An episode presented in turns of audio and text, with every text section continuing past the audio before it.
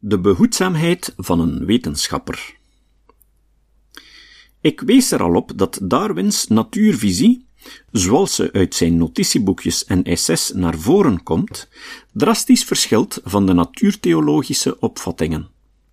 Ik maakte ook duidelijk dat zijn ideeën over evolutie, diversificatie, adaptatie en teleologie tijdens de cruciale jaren nog niet vrij van tegenstrijdigheden waren. Darwin publiceerde zijn essay of 1844 niet.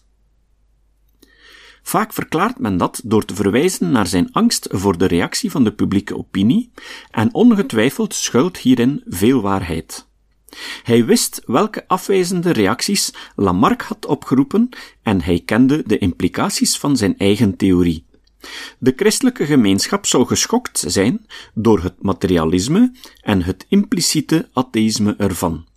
Ook al kan de theorie, zoals ze is uitgewerkt in Essay of 1844, in zekere zin nog als een compromis tussen een statisch creationistische en een dynamische natuurvisie worden beschouwd. Zie Ospovat 1981. Bovendien publiceerde Robert Chambers in 1844 anoniem Vestiges of The Natural History of Creation and Other Evolutionary Writings en het daarin ontwikkelde evolutionisme lokte heftige en zeer negatieve reacties uit. Darwin begreep dat de tijd niet rijp was voor de publieke bekendmaking van zijn theorie. Ook al wist hij dat die superieur was aan die van onder meer Lamarck en Chambers. Als het evolutionisme in de lucht hing, wat Darwin overigens in zijn autobiografie betwijfelt, de maatschappelijke aanvaarding ervan deed dat allerminst. Maar wat belangrijker is dan dit alles, hij besefte dat zijn theorie in de versies van 1842 en 1844 fouten en tekortkomingen bevatte, waardoor hij het risico liep door de wetenschappelijke gemeenschap, op zich al overwegend anti-evolutionair, te worden verstoten. Zijn moeizaam verworven status als respectabel wetenschapper en zijn wijdverbreid communicatienetwerk zouden in één klap in elkaar kunnen storten, tenzij hij zijn theorie zo sterk zou maken dat ze alle kritiek zou kunnen doorstaan.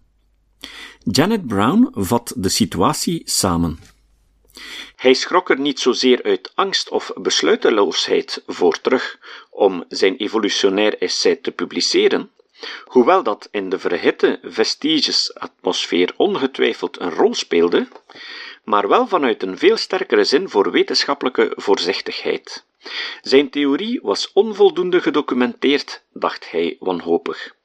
Ze was nog niet klaar. Behoedzaam wilde hij niets aan het toeval overlaten. 1995, pagina 475.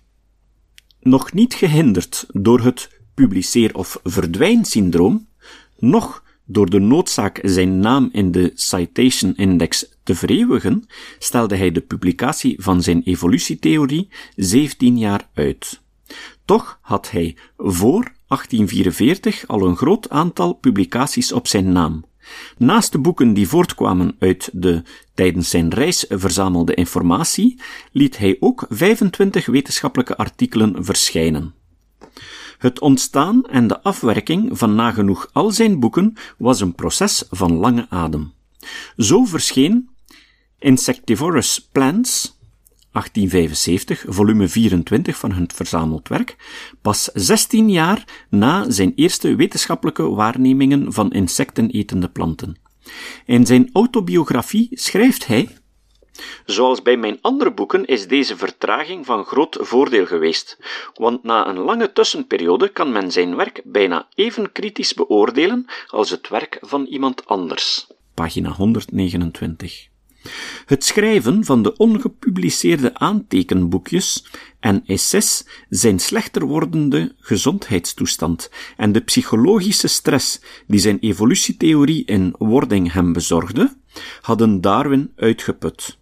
Hij kon niet meteen de energie opbrengen om zijn essay te herwerken en voor publicatie klaar te stomen.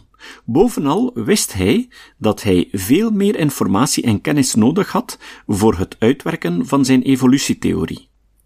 De geoloog Adam Chadwick had een hatelijke en vernietigende kritiek op Chambers' Vestiges geschreven, waarin hij de anonieme auteur ervan beschuldigde niets af te weten van embryologie, fysiologie, anatomie en klassificatie. In 1845 publiceerde Chambers, opnieuw anoniem, een reactie op zijn critici. Explanations, a sequel to the Vestiges of The Natural History of Creation, opgenomen in Chambers 1994. Over Chadwick's kritiek schreef Darwin aan zijn vriend Joseph Hooker dat Chadwick zich zou moeten schamen voor de toon van de tekst, maar niet over de feiten. Brief van 10 februari 1846. Wat de feiten betreft had Chadwick het inderdaad bij het rechte eind, en Darwin zag in dat een deel van dezelfde kritiek evenzeer op hemzelf toepasbaar was. Bovendien liet ook Hooker hem, zij het onbedoeld, verstaan dat hij de analyse van het soortenprobleem, de vraag naar het ontstaan van soorten, door iemand zonder feitelijke expertise niet ernstig kon nemen. Met die uitspraak reageerde Hoeker op de L'espèce dans les corps organisés, 1844, van de Franse botanist Frédéric Gérard, maar Darwin interpreteerde het als een hint naar zijn adres.